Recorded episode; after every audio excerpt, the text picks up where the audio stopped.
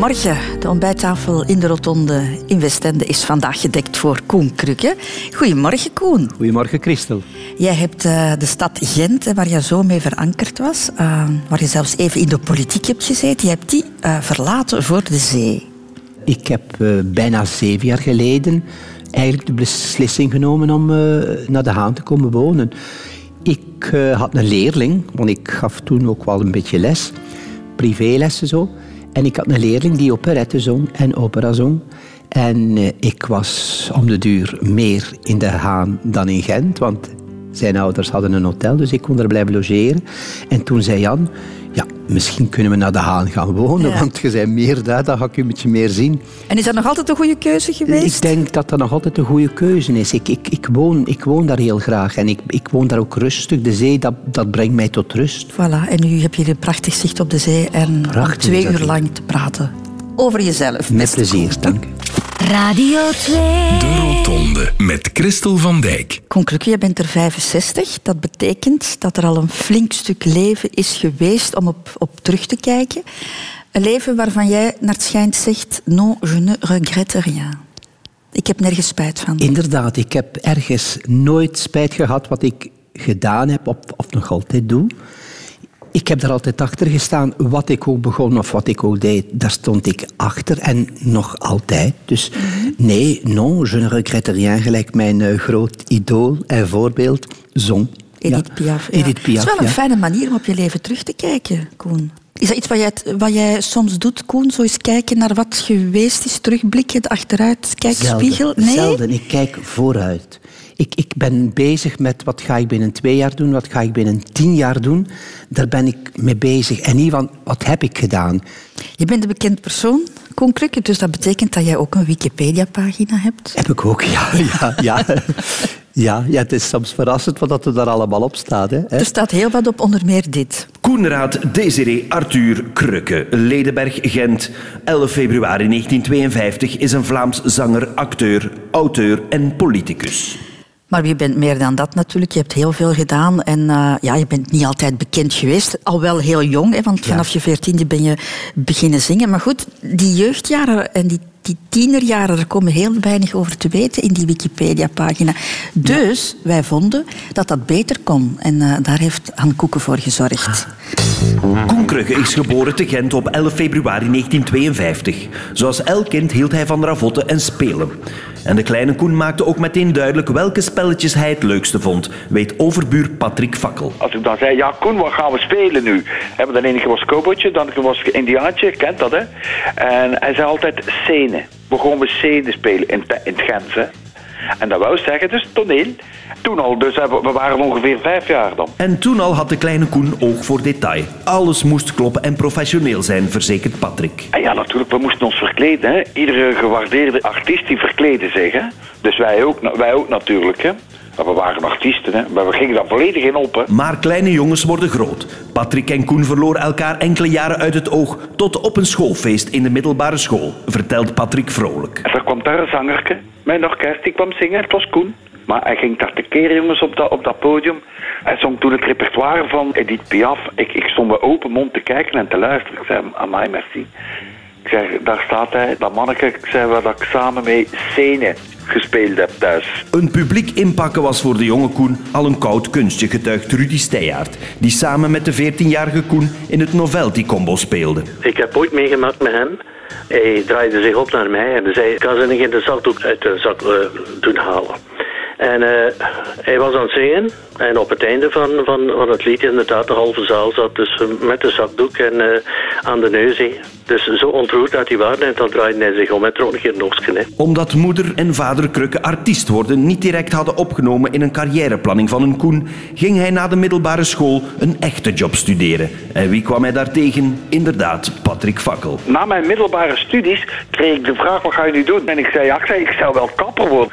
En ik kom op de kapperschool en de eerste die ik tegenkom was Koen Krukke. Na een half jaar knippen en brusje kapte Koen met kappen en kreeg hij vooralsnog het fiat om te studeren aan het conservatorium. Al tijdens die studies ging hij auditie doen bij de opera in Gent. Met succes weet Christian Locuvier, dochter van Karel Locuvier, destijds directeur van de Gentse Opera. En ik weet nog altijd goed dat mijn vader zei toen hij thuis kwam tegen mijn moeder, nou die kleine die moet jij even opleiden, want uh, dat ziet er mij een heel goed element uit. En dat goed element werd opgeblonken en begon te schitteren op allerlei podia. Die kleine Koen was groot geworden en de rest is history. Zo is het gelopen, hè? Ontroerend, zeggen die mensen. De Patrick, het is ook alweer lang geleden dat ik hem weer gezien heb. Dan kijk ik van ineens... Uh, en Rudy ook, ja. En, en Christian, dat zijn allemaal mensen ja, die bij mij souvenirs uh, ja. opwekken. En scèneke spelen. Spelen, ja. Het was niet alleen scèneke spelen, het was ook pastoorke spelen. Ah ja. Want ik wou pastoor worden. Ik, ik, dat, was, dat kwam natuurlijk door de, uh, het, het, kleed die de pastoor had en, en, en, en, het pak die de pastoor had. En ik, ik, ik, speelde, ik speelde pastoorke. En de twee broers, de twee fakkels, moesten mijn meezienaars zijn. Mm -hmm. Ja, dat weet ik ook. Je speelde meer dan dat. Het huwelijk van Boudewijn en Fabiola bijvoorbeeld Heb speelde jij na. Ja, ja, ja, ja, ja, ja. En ik moest Fabiola zijn. Echt, ja. Ik wilde Fabiola zijn. En jouw zus was dan... Uh... En was, mijn, mijn zuster was, uh, was Boudewijn, ja. En, en ik had dat gezien, want uh, Fabiola was getrouwd in zo'n heel mooi kleed, maar met een hele lange sleep. En dat moest ik ook hebben. En dat werd gemaakt van de lakens van mijn moeder, haar bed. En niemand vond dat raar, Koen? Niemand vond dat raar, blijkbaar. Ja, ik zelf ook niet, mijn ouders ook blijkbaar niet. Alhoewel, ik heb het nooit eigenlijk aan mijn ouders laten zien dat ik, dat ik Fabiola speelde.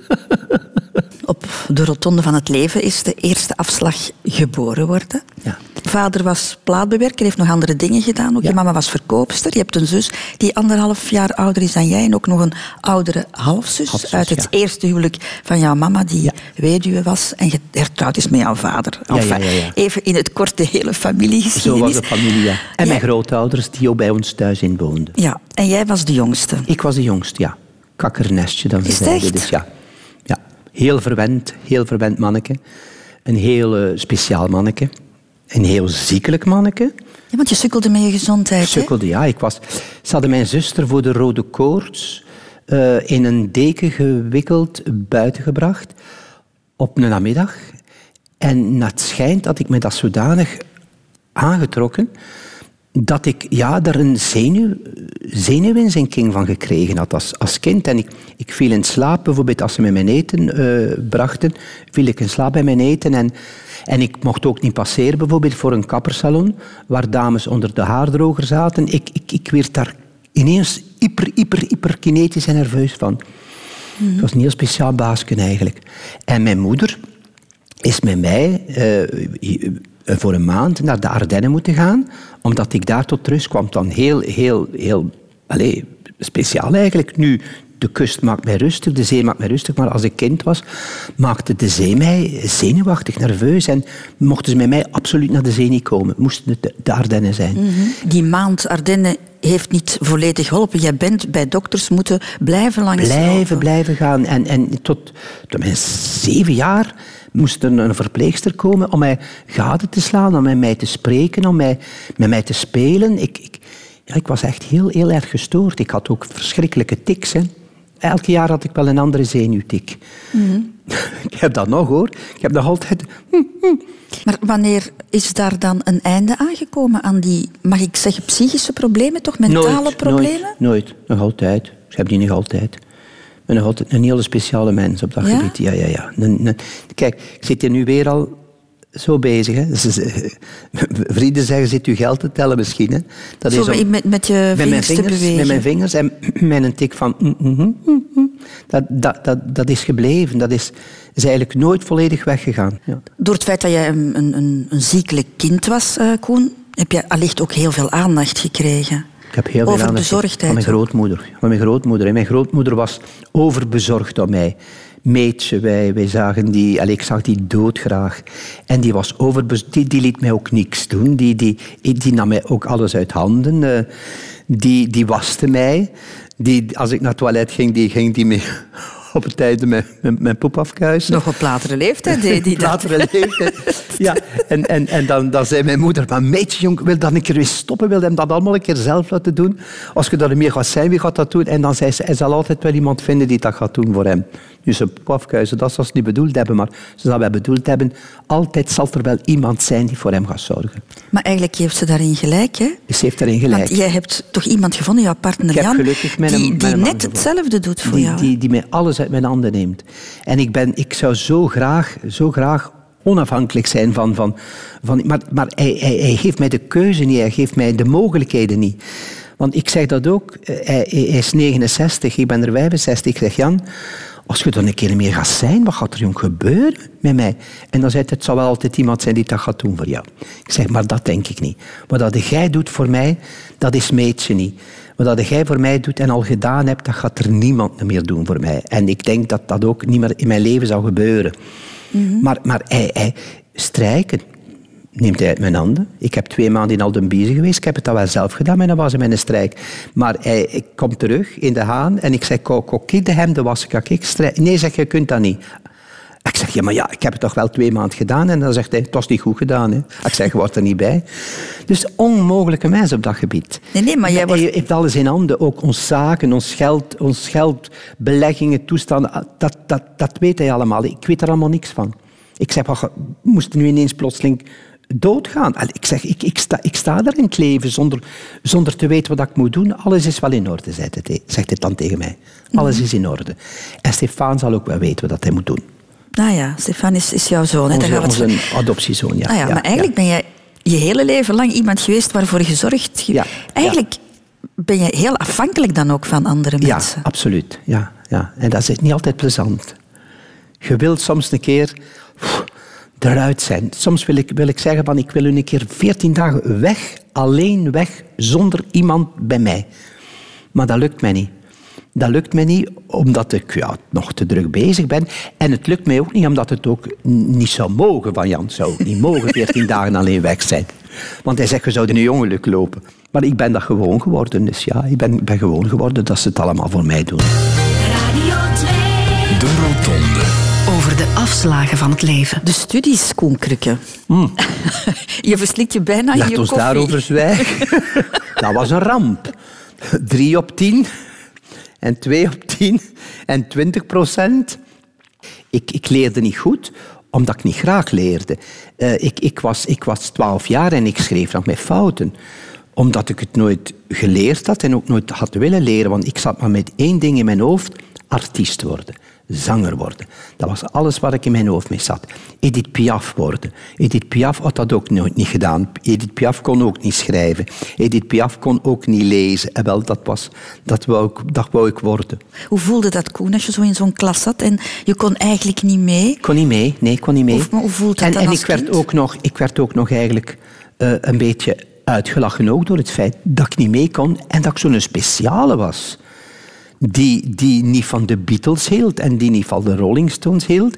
En als Edith Piaf dood was, liep ik een jaar in de rouw.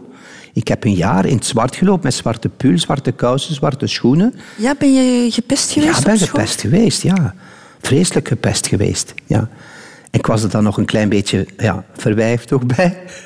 Ik was eh, een uitzondering op al die andere leerlingen en al die andere mede-kameraadjes die daar zaten, die ik eigenlijk nooit als vriend, als kameraad beschouwd heb. Want ik, ik had geen vrienden eigenlijk als in, in school en in de klas. Heb jij je dan nooit eenzaam gevoeld, Koen? Ik heb me heel vaak eenzaam gevoeld. Heel, heel, heel vaak. Ja. Heel vaak alleen gevoeld en heel vaak in, in een hoekje gaan wenen. En, en thuiskomen en mijn ouders werkten. Dus waren niet thuis. Mijn grootouders woonden bij ons thuis. En ik ging naar boven en, en een meidje zei, waar ga je nu weer naartoe? Ik zei, ik ga naar boven een beetje. Maar dan was, ging, ging ik naar boven om te gaan wenen en in een, in een hoekje op mijn bed eh, ja, mij eenzaam en, en ongelukkig te voelen. En het enige wat mij, wat mij gelukkig maakte, was luisteren naar de plaatjes van Edith Piaf. Dat was het enige wat mij gelukkig maakte. Niet echt een, een, een bijzonder gelukkige jeugd, als ik Nee, het... wel, ik, ik, ik, ik, ik, heb, ik heb geen een moeilijke jeugd gehad, maar mijn ouders zijn er altijd wel geweest voor mij. Heb jij ooit geprobeerd om aansluiting te vinden bij andere kinderen? Of vond jij het goed zoals het ik was? vond het goed zo. Ik vond het, ik vond het, ik, ik vond het goed. Ik, ik, ik hoefde geen, geen vrienden te hebben. Ik hoefde dat niet te hebben. Ik was daar eigenlijk wel content mee. Gelukkig niet. Gelukkig het woord heb ik nooit in mijn mond genomen. Gelukkig zijn, wat is gelukkig zijn? Het is ook weer zo, ik moet weer naar Piaf verwijzen. Als ze vroeg van, Madame Piaf, vous êtes heureuse? En ze zei, cinq minutes par jour, c'est déjà pas mal, zei ze. En dat is waar ook. In uw leven zijt u toch op per dag toch nooit meer dan vijf minuten gelukkig. Als je vijf minuten gelukkig zijt in per dag. Maar als ik, gelijk ook zei, op een scène sta en mijn ding mag doen, dan ben ik gelukkig. Je had allicht gelukkiger eh, geweest mocht je naar, de, naar het conservatorium eh, gegaan zijn, maar dat mocht dan niet van je ouders. en Nee, dan mocht ben je niet. kapperschool gaan doen. Nee, ik, ik, ik, eh, mijn, mijn, mijn moeder vond dat dat geen beroep was. Artiest worden, zanger worden, dat was absoluut geen beroep. Dat, allee, daar kon u geld niet mee verdienen. Dat was een armoedje. En mijn Peter, mijn doop Peter, was kapper. Ja, dus... En dan werd ik coiffeur, dan werd ik, ging ik naar de kapperschool. Eén dag in de week en de rest werken bij een baas Ja. in een salon. En daar studeerde ik wel goed. Heel raar, daar ineens haalde ik wel goede punten. Het was precies gelijk of er was iets in, in, in, in, mijn- in mijn computer van boven hersteld. Zo van, je moet wel, want, want je gaat, aan den duur gaat iedereen met u lachen en gaat een analfabeet zijn en zo. Dus daar, in die kapperschool, heb ik wel goede punten behaald. 80 procent, 85 procent. Waar ik in vroeger jaren 30 procent haalde bijvoorbeeld. Ja. En dat, was heel goed, raar. dat was goed voor het zelfvertrouwen. Dat was goed voor het zelfvertrouwen, absoluut. Het feit dat je nergens aansluiting vond en, en, en eenzaam was en gepest werd, wat heeft dat gedaan met jou in, in je verdere leven? Dat heeft mij sterker gemaakt. En dat heeft mij ook mijn keuzes doen bepalen. Van daar ga ik voor en daar sta ik achter en dat ga ik doen. Dat heeft mij veel, veel sterker gemaakt. Nu de, de mens die ik nu ben, de persoon die ik nu ben, soms een beetje te hard voor mezelf en voor mijn entourage. Radio 2. Over de afslagen van het leven. De Rotonde. De keuze voor het podium, Koen Krukke. Als ik jou zo hoor, is dat eigenlijk geen keuze geweest. Is dat gewoon een, een, een logisch gevolg geweest? Het is een roeping. Een roeping, dat is het woord. Dat is het woord, ja. Het is een roeping. Ik ben op de wereld gezet om dat te doen. Maar het zat natuurlijk ook een beetje in jouw genen. Hè? Er zat heel veel muziek en theater Mijn moeder, in de mijn moeder en mijn vader konden prachtig zingen. Mijn, mijn, mijn, mijn vader heeft mijn moeder leren kennen toen ze zong op een biljart in, eh, in Gent, in, in een café. Dus mijn moeder zong zo, mijn, de, de Franse chansons ook. Hè. Dus mijn moeder had een heel mooie stem. En mijn vader uiteindelijk kon ook heel goed zingen. Dus ik heb mijn ouders heel vaak horen zingen in duo. En mijn pa kon schitterend de tweede stem zingen, waar ik nog altijd last mee heb. Waarom was jouw moeder er dan zo tegen? Tegen dat conservatorium waar je niet Eh, naartoe mocht? Eh, dat, dat zal zeker geweest zijn van ja, in de tijd, ja, artiest zijn, dat was een ar en dat is nog een armoedje soms.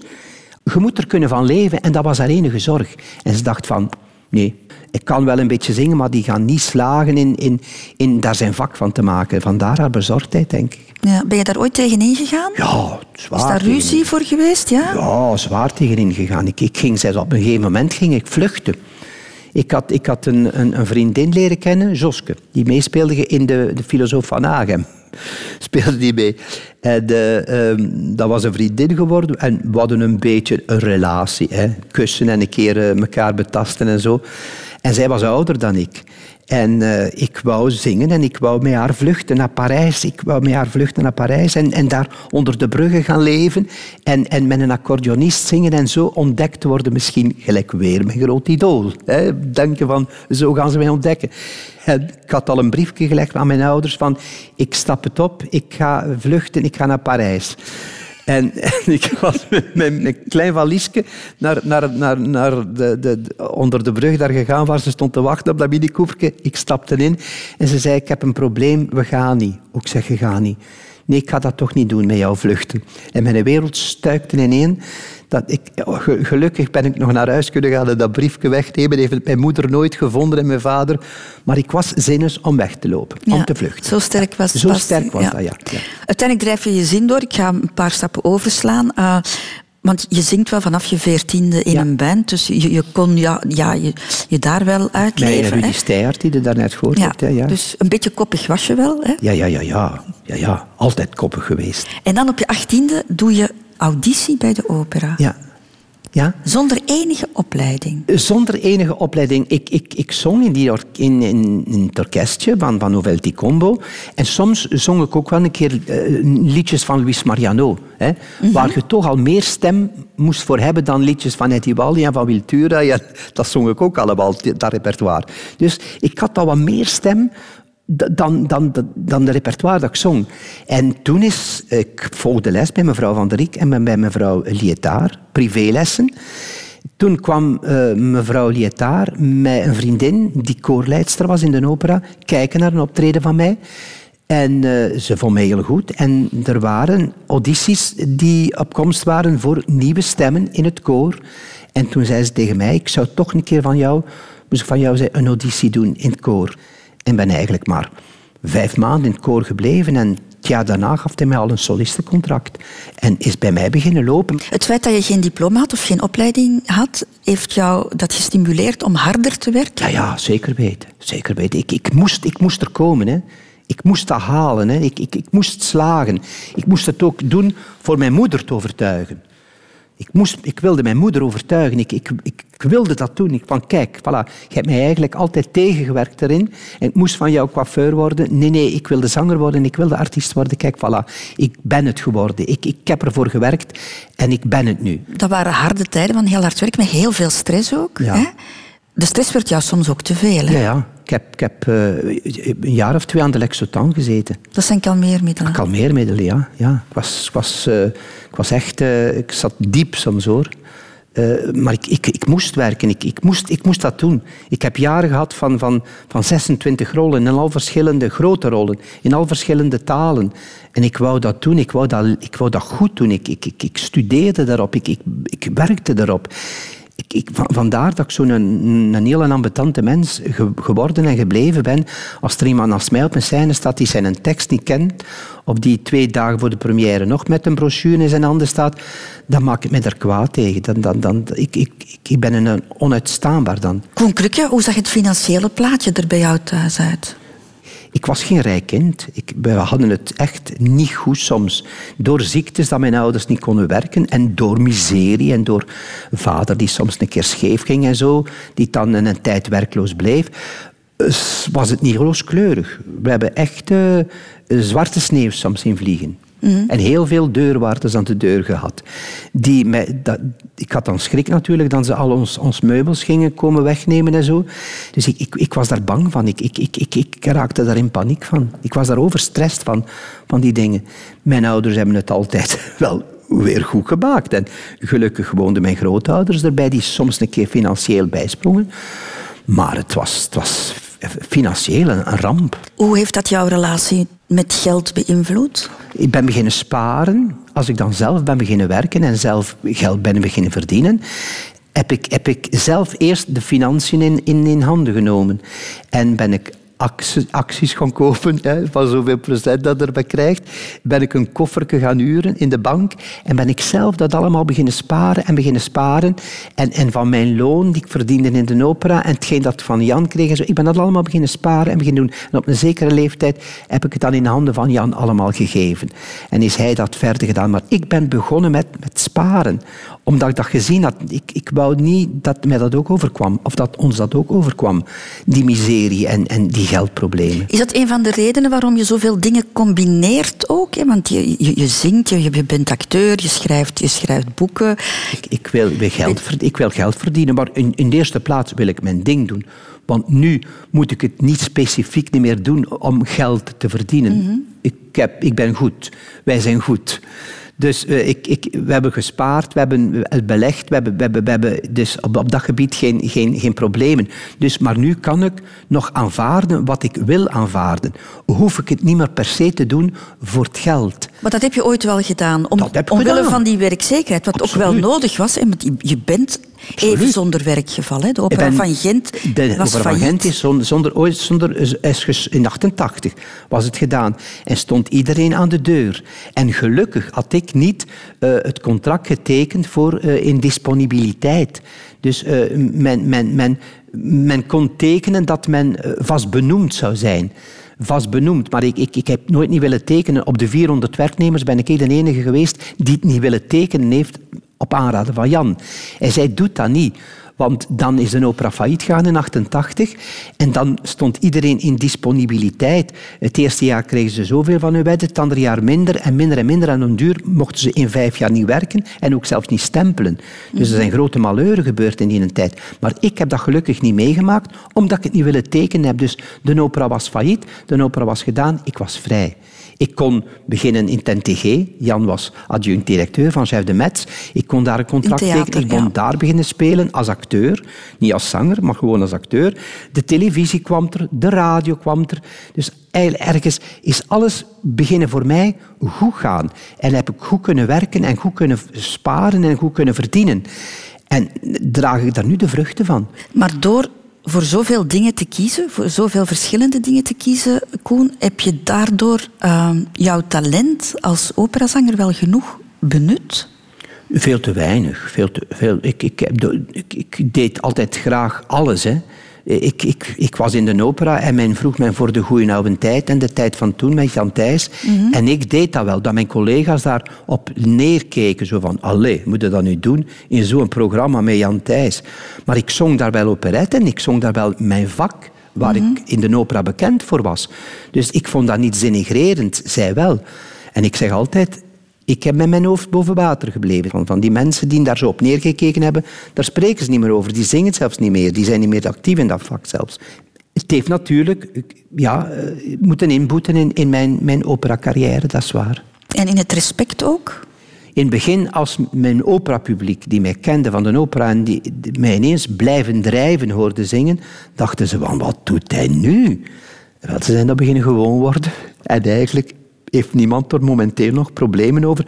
Ben ik nu Koen Krukke die Koen Krukke is? En weten zij dat ik ooit in de opera gezongen heb en dat ik ooit een grote opera-carrière gemaakt heb? Niet alleen in Vlaanderen. Ik heb in Duitsland gewerkt, ik heb in Amerika gewerkt. Maar mocht je het opnieuw doen, Koen? Zou je diezelfde weg opnieuw bewandelen? alles- Of zou je echt voluit voor die opera gaan? Nee, ik zou tallenmaal doen opnieuw, gelijk op dat ik het gedaan heb. Gelijk op dat ik zei in het begin, je ne regrette rien van wat ik ook gedaan heb. De Rotonde. De liefde, Krukke. Ja. Zullen we het daar eens over hebben? L'amour, l'amour, l'amour. Je hebt wel geen mooi beeld gehad thuis van de liefde, hè? Mijn moeder en mijn vader zagen elkaar wel graag. Met Maar, ups en downs. met ups en downs. Maar uiteindelijk heb ik toch wel de laatste jaren van hun leven, van mijn ouders zijn al 50 jaar eh invalide geworden.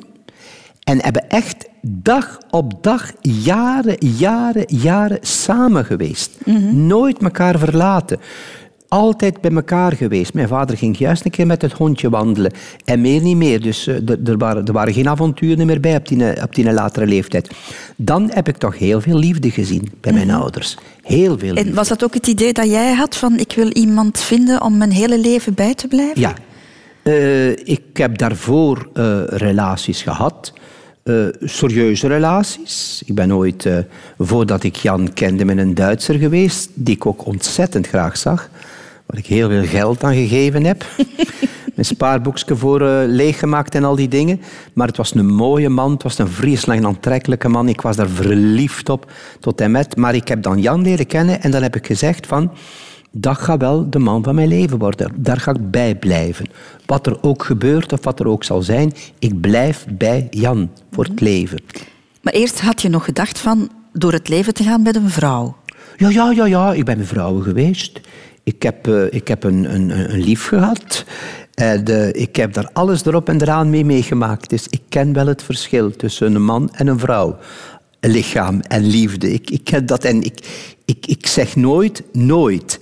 Eh, moest Jan daar niet meer zijn, kan ik misschien zowel nog verliefd worden op een man of op een vrouw. Ja. Dat is niet uitgesloten. Maar had je dan bij vrouwen niet het idee, hier ontbreekt er iets? Er, er, er- ja, er zal iets in de genen zijn dat, dat, dat u meer aantrekt naar een, naar een man. En wanneer heb je het dan definitief voor jezelf uitgemaakt? Eh, Op welke toen- leeftijd? Toen ik, toen ik echt eh, Jan heb leren kennen, dan heb ik dat ook... Toen mijn- pas? Ja, ja, toen pas. Want daarvoor twijfelde ik nog altijd.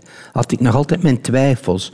Eh, en in die jaren zeker en vast, ik, ik wa- was gelukkig in een vak waar men daar eigenlijk geen problemen over maakte. Als je op een bureau werkt of in de fabriek werkt, als je dan eh, gay bent of, of, eh, of met een man bent of met een vriend bent, maken ze daar problemen over. Maar in, in mijn vak, het artiestenvak, maakte daar niemand problemen over. Dus ik zat eigenlijk op rozen. Maar ik twijfelde nog. Ik, ik, ik was nog niet volledig overtuigd. Ik, ik denk, eh, ah, voor u 18 heb je, heb, heb, je- heb, je nog, eh, heb je nog krediet om, om, om dingen in uw leven te doen die, die misschien niet juist zijn. Maar, maar à 18 ans, on a le droit de se tromper à ce point-là. Ja, maar het twijfelen was niet eh, dat je per se wilde het volgens het geëikte pad te doen. Nee, nee, dat nee. was het niet. Nee, absoluut niet.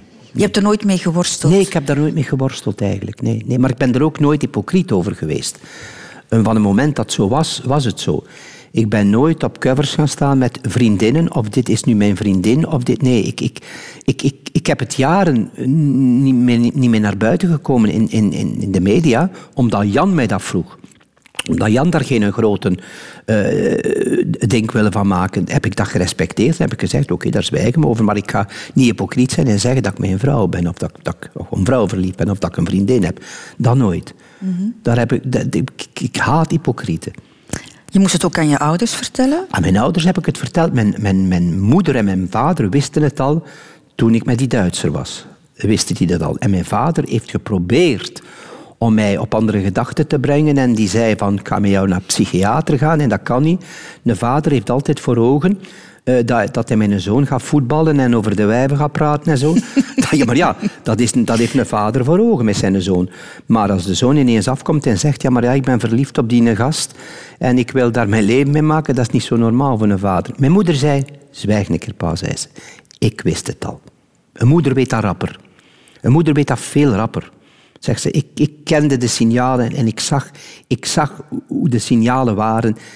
Laat Koen gerust en, en laat hem zijn leven maken. En hopelijk valt hij op een goeien eh, waar, hij, waar zij zijn leven kan mee maken. En laat hem, ik wist het al lang, zei ze, mijn moeder. Maar mijn moeder had er nooit met mij over gepraat. Gek, hè? Ja, maar ze wist je- het. ze wist het. ja. Heeft dat jouw relatie met jouw vader vertroebeld op een bepaald Nee, ogenblik? nee, nee. Uiteindelijk is mijn, mijn vader toch er heel vlug bijgedraaid. was ook een mens van, van de wereld. Was geen, een- eh, vlug bijgedraaid. En hij zag, hij leerde Jan kennen.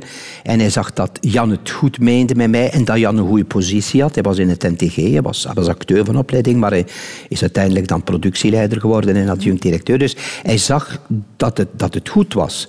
En dat ik mijn job had en, en dat ik mijn, mijn, mijn succes had. Dus voor mijn vader was het, was het in orde eigenlijk. Vind jij dat je iets betekend hebt voor de Holibi-gemeenschap in Vlaanderen? Zeker. Zeker, want ik, ik, na Wilferdi ben ik, ik wel de tweede geweest die daar zo openlijk voor uitgekomen is en zo openlijk over sprak en nog over spreekt. En ik krijg dagelijks eh, mails, eh, eh, telefoons van mensen die raad aan mij vragen, jonge mensen die eigenlijk vechten en, en, en, en, en hun geaardheid problemen hebben. En, en krijg ik eh, regelmatig, eh, bijna dagelijks, mails en, ja, ja, en brieven en, en, en telefoons die daar met mij willen over praten. Maar dat jonge mensen naar jou moeten komen. Bij wie moeten ze gaan? Als ze niet bij hun ouders kunnen gaan. En als ze niet bij hun vrienden kunnen gaan, bij wie moeten ze komen? Iemand die daar een boegbeeld van is, hè? Bij Alberto. Bij Alberto. ja, dat begint bij Alberto. Maar het, het, het- uiteindelijk is het wel Koen Krukke waar ze, waar ze raad aan vragen. Ik wil het nog even verder over de liefde hebben, Koen Kruk. Want we hebben eigenlijk nog heel weinig over Jan gesproken. De man met wie al 47 jaar lang samen... 48 Of jaar. 48 Ja. jaar lang Het is samen. binnen twee jaar 50 jaar. Je was nog een jong ventje. Ik Jullie jong waren ventje, al. 18 jaar, hè? 17, 17, 18 jaar, ja. En wie heeft wie gekozen? Eh, hij heeft mij gekozen. Eh, het was eigenlijk helemaal mijn genre niet. En ik eigenlijk ook helemaal zijn genre niet. Dat is raar, hè? Maar toch zijn bij elkaar gekomen, ik weet nog altijd heel goed. Ik ging kijken naar een stuk in het NTG. En hij werkte daar als acteur en als toneelmeester. En ik weet nog altijd heel goed, ik ben een vriend, een bevriende collega, naar dat stuk geweest. En ik zat op een namiddag in de bridge met Daan van den Durpel, die uh, goed bevriend was met Jan. En naast Jan, aan de andere kant, zat Suzanne Juchtmans. En Jan zei, ja, dat buisje die er zit, met Daan van den Durpel, dat is toch wel een schoon buisje. En wel, zei Suzanne, ken hem niet, dat is Koen Krukke, die werkt in de opera. Ah, nee, die ken ik niet. En natuurlijk, door het feit dat Jan Daan kende, is hij bij, bij, Daan gekomen. Ah, Daantje, nou eerst. En wie zei jij? Ah, ik zeg, ik ben Koen Krukke. En wie zei jij? Ah, ik ben Jan Gijzen en ik werk in TNTG. En ik zeg, ah, vanavond kom ik naar TNTG, naar een vertoning. Als zegt hij, misschien kunnen daarna iets drinken. Ook zei, dat zal niet gaan, want ik ben mijn vriend. En toch, s'avonds is hij binnengekomen in een bridge naar de voorstelling. En uh, heeft hij mij willen naar huis voeren? Ik heb gezegd, nee, nee, nee, nee, want ik had nog afspraak met mijn, met mijn vriend, met mijn Duitser had ik nog afspraak die avond. Dus zegt, nee, nee, nee, nee, je moet mij niet naar huis voeren, ik heb nog een afspraak. En dan ben ik uh, richting Koormart gegaan. Heeft hij mij gepasseerd met zijn auto, Manta reed hij dan. En klaksoneerde hij en wuifde hij. En ik zei tegen mijn Duitse vriend, tja, die, die, die, die, die naar mij, dat is in die NTG werkt. Oh ja, ze te kennen dat is Jan Gijzen. Uh, het ging niet zo goed meer met een Duitser, dus het stond een beetje op springen. En twee dagen daarna heb ik voorstelling in Kortrijk, in uh, de stad Schouwburg, met Madame Butterfly.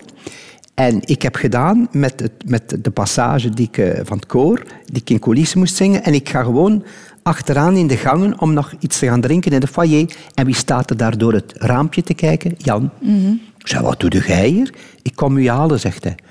Ik zei, ja, maar ik ga met een bus mee naar de voorstelling met, met, de, met de collega's. Nee, nee, zegt hij, ik heb al afgesproken met Karel Lokkefje, directeur. Ik ga je naar huis voeren.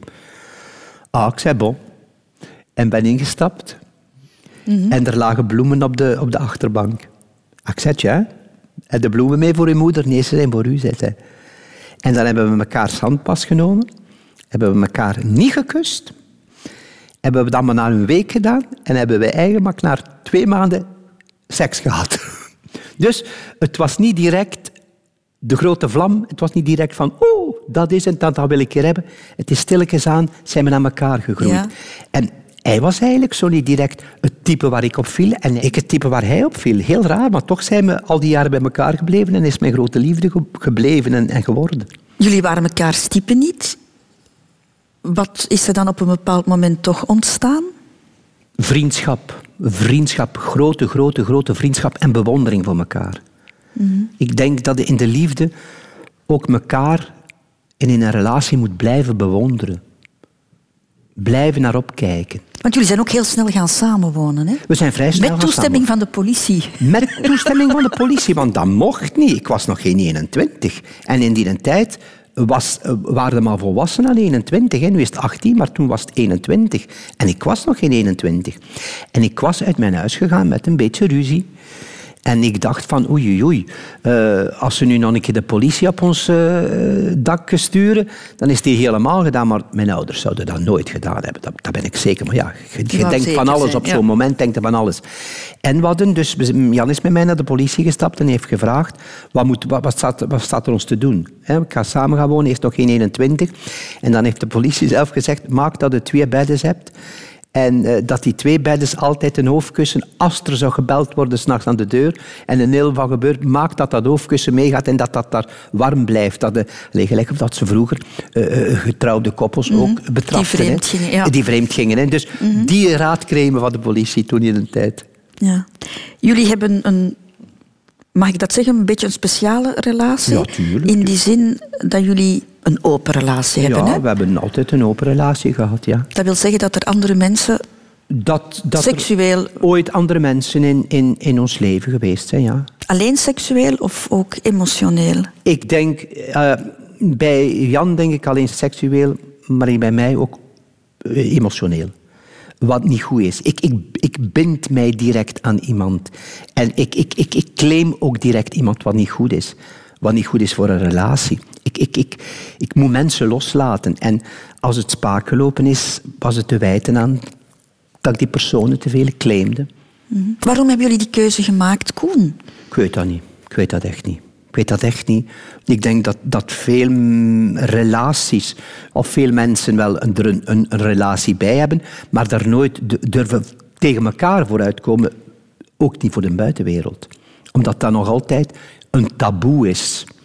Vreemd gaan, ja, wat is vreemd gaan? Wat is een keer eh, eh, zin hebben in een ander lichaam? Niks verkeerd mee, hè?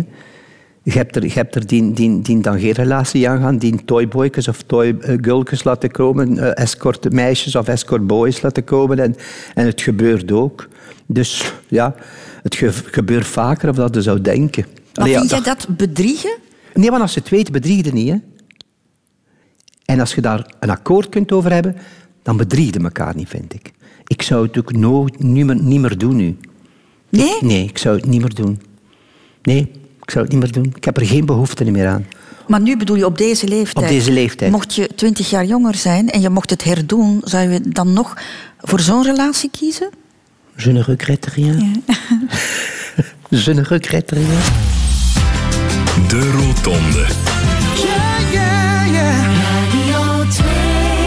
Kinderen, Koen Krukke. Jullie hebben sinds een aantal jaren een adoptiezoon, hè, Stefan Meert. Nochtans, in 2005 heb jij ooit eens gezegd dat je geen kinderen wou adopteren, omdat je het niet juist vindt dat een kind moet opgroeien met twee vaders en twee moeders.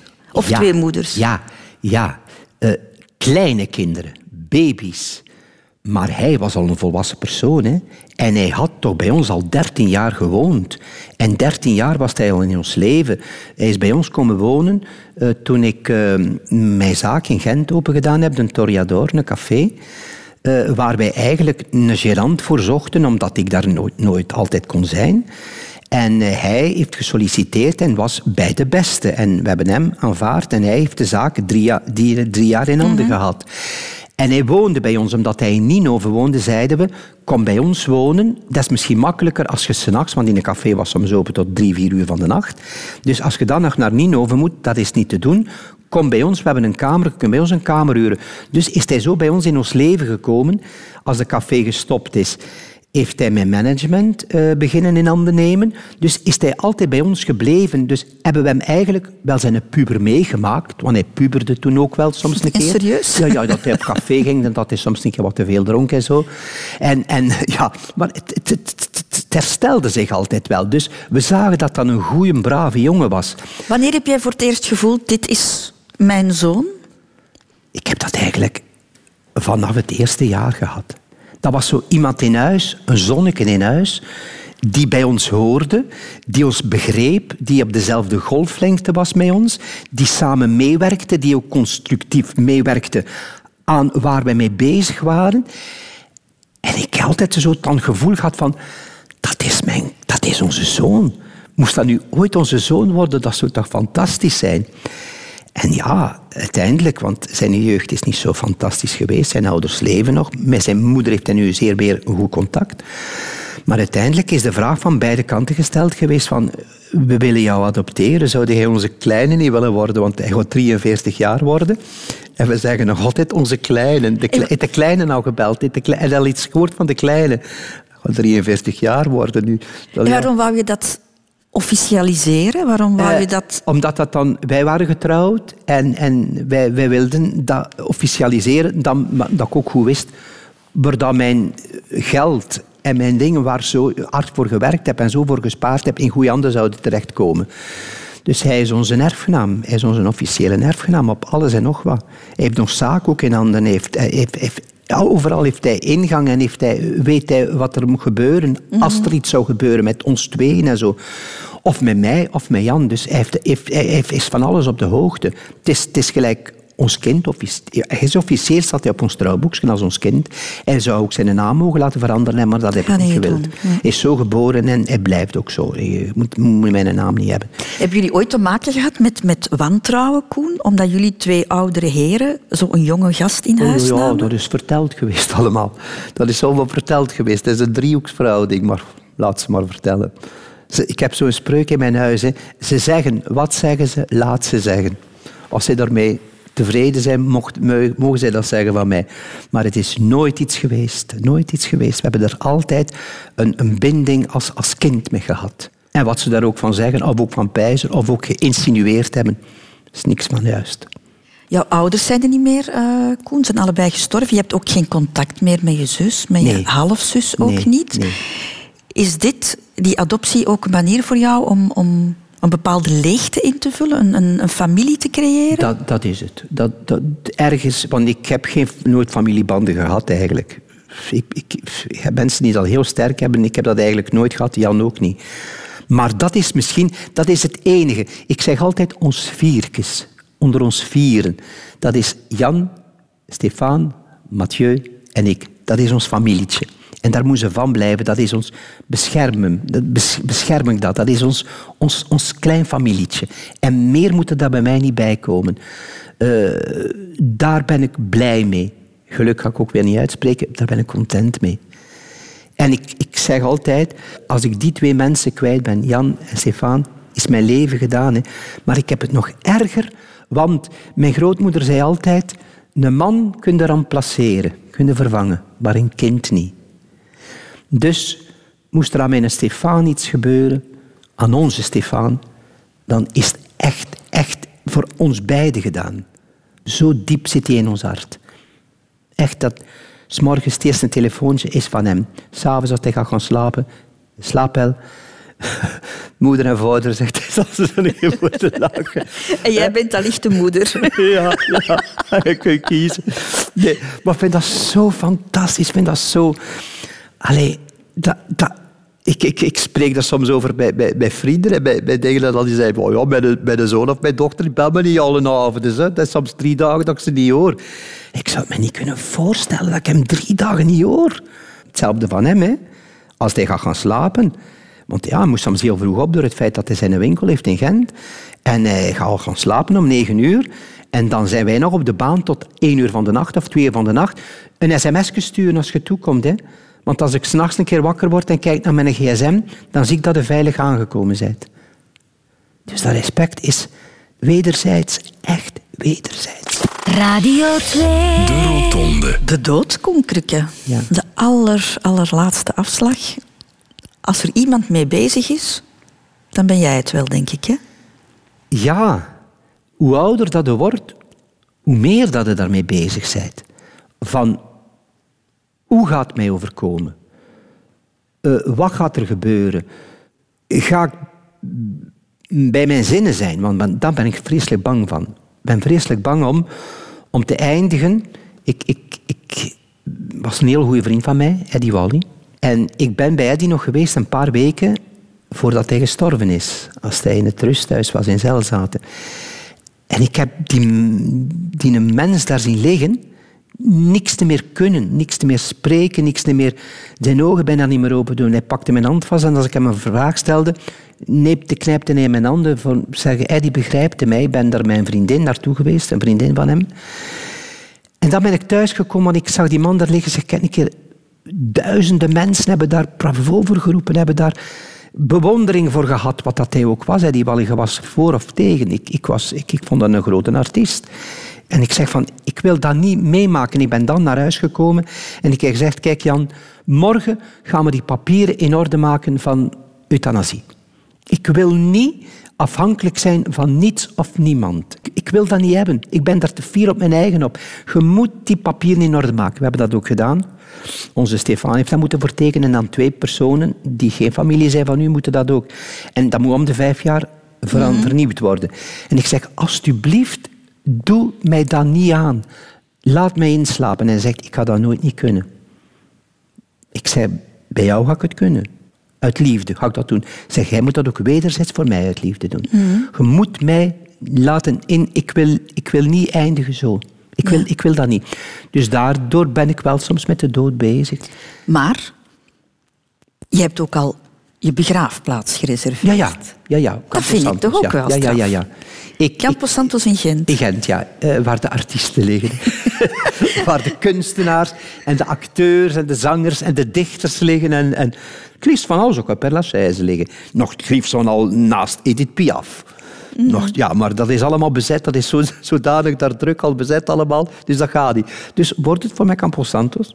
En wandel jij daar soms eens voorbij? Ja, ja, ja, ja. zeker weten. Zeker weten. Ik wil, ik wil weten. En ik, ik word wel gecremeerd. Maar ik zal daar wel in de muur. Eh, of, of ze mogen mij ook in de aarde, mijn, mijn urne zetten. Maar dat, dat men nog naar mij kan komen, eventjes. Dat men nog kan zeggen, kijk, hier ligt Koen Krukke. Je bent 65, je hebt al afscheid moeten nemen van, van jouw vader, gestorven in 94, jouw moeder in, in, in 2005. Jouw vader is plots gestorven, dus je hebt geen afscheid van hem kunnen nemen. Nee, nee, van mijn vader heb ik eh, geen afscheid. Ik weet het nog altijd heel goed. Ik had een, een dubbel interview voor Humo, samen met Helmoet Lotti. En eh, we waren naar Antwerpen moeten gaan, in een hotel, van de journalist. En ik kreeg een telefoon van, van mijn zuster voor te zeggen dat ik naar huis moest komen, want dat pa niet goed was. Ik zeg, is het niet, is het niet goed? We hebben hem moeten wegvoeren naar, naar, naar de kliniek. En ik ben inderdaad naar huis gekomen. Ik ben gestopt met dat interview en, en Helmoet ook. En we zijn samen naar Gent gereden. Ik heb mij, ben met Jan en met mijn zuster naar de kliniek gegaan. En hij lag echt, ja, ik zag, het gaat niet lang niet meer duren. Wat dat er gebeurd was. Hij was gevallen, hij was ineengestuikt. Hij was, het leven was, het was, de machine was, was defect. Niet meer herstelbaar. En eh, de verpleegster zei, ga naar huis. Als er iets gaat gebeuren, zal ik u verwittigen. Of als er iets is, zal ik u verwittigen. We zijn naar huis gegaan en we waren eigenlijk nog maar een uur thuis dat een telefoon ging dat we dringend naar het hospitaal moesten komen. En dan dacht ik al, het is niet goed. En we zijn naar het hospitaal gegaan en we zijn binnengekomen en de verpleegster zei, meneer Krukke, mijn enige deelneming. En ik dacht van, is het gepasseerd? Ja, zei, het is gepasseerd. En ik ben bij hem gegaan en hij zat recht in zijn bed. Hij zat recht vier in zijn bed met zijn bril en al nog aan. Ik heb zijn bril afgedaan en hij had nog zijn ring aan. Voilà. Ik heb zijn ring, zijn trouwring. Ik zeg, zuster, de verpleegster zouden mij zijn ring willen geven. Ik kan met mijn moeder meedoen. En ja, zegt ze, we gaan hem een beetje mooi maken en we gaan hem... En ik zal hem trachten zijn ring af te doen. En ze heeft mij dat gegeven in een envelop. Ik heb dat aan mijn moeder gegeven. Mijn moeder zei, houd hem maar, is voor u. Ik heb hem aangedaan en dat is precies like echt een trilling door mijn hand ging. Precies voel ik iets. Het is een verbeelding, hè. Ik, het is een verbeelding. Maar ik heb hem altijd bij mij. En zo is mijn vader gestorven. Had je hem nog iets willen zeggen? Nee, maar hij heeft mij wel gezegd, zorg voor moeder, heeft hij gezegd. Met de weinige woorden dat hij nog kon praten. En hij dacht van, ja, het gaat gedaan zijn. Zorg goed voor moeder, zei hij. Ik heb er ook voor gezorgd. Ik heb ze nog tien jaar mogen hebben. Ik heb ze nog tien jaar mogen meemaken. Mijn zuster heeft ze ge- gevonden, ook recht zittende in haar zetel, naar de kampioen aan het kijken. En ja, ze heeft mij, opgebeld, mijn zuster. En ik stond klaar om, om te vertrekken naar, naar een optreden eh, eh, in, in Melle. En er zou duizend man op mij te wachten, in een orkest van 80 man. En Wendy van Wanten deed mijn voorprogramma, weet nog altijd heel goed. En mijn zuster zei, wat ga je doen? Ik zeg, allee jong, ja, zegt ze, zit, ze zit hier dood. Ik zeg, ik ga bellen naar, naar het begrafenisondernemer, ik ga alles arrangeren, maar ik moet gaan optreden. Ik, ik kan dat nu niet afzeggen. En ik heb dat ook gedaan en ik heb, ik heb mijn tune gehoord voor op te komen en ik heb gezegd, maatje, het is voor jou dat ik zing. Ik heb gezongen anderhalf uur. Jan en Stefan zei, ik heb u nog nooit zo zien zingen, was precies jij niet die er stond. Maar ik heb mijn, mijn ding gedaan, ik heb mijn, mijn vak gedaan en alleen mijn dirigent wist het. De rest heb ik het allemaal niet gezegd. En achteraf heb, ik kunnen, heb ik kunnen beginnen rouwen. Ja. Maar eerst heb ik mijn vak gedaan, wat zij ook zou gewild hebben. Koen Klukker, ik vond het heel erg fijn om met jou te ontbijten. Ik wil jou daar ook voor bedanken. Er mag dan wel 40 kilo minder Koen Klukker zijn. 48. 48, maar ik denk toch dat ik jou hier voor het volle pond heb gehad Ja, eh, aan mijn ontbijttafel. Dus ik wil jou heel erg bedanken voor jouw openhartigheid. Dank u wel, dank u wel. En ik zou het heel fijn vinden mocht je ook nog iets in mijn gastenboek schrijven. Zeker weten. Lieve Christel, je hebt mij bij de hand genomen om een wandeling te maken naar mezelf. Dat was voor mij niet alleen confronterend, maar ook verrassend. Ik zal vooral onthouden dat je mij liet beseffen dat ik het geluk bij anderen pas ontdekken kan nadat ik mijn eigen innerlijke rust gevonden heb. Dank je wel dat je mijn emotionele reisgezel wilde zijn. En heel veel succes met jouw rotonde. Koen.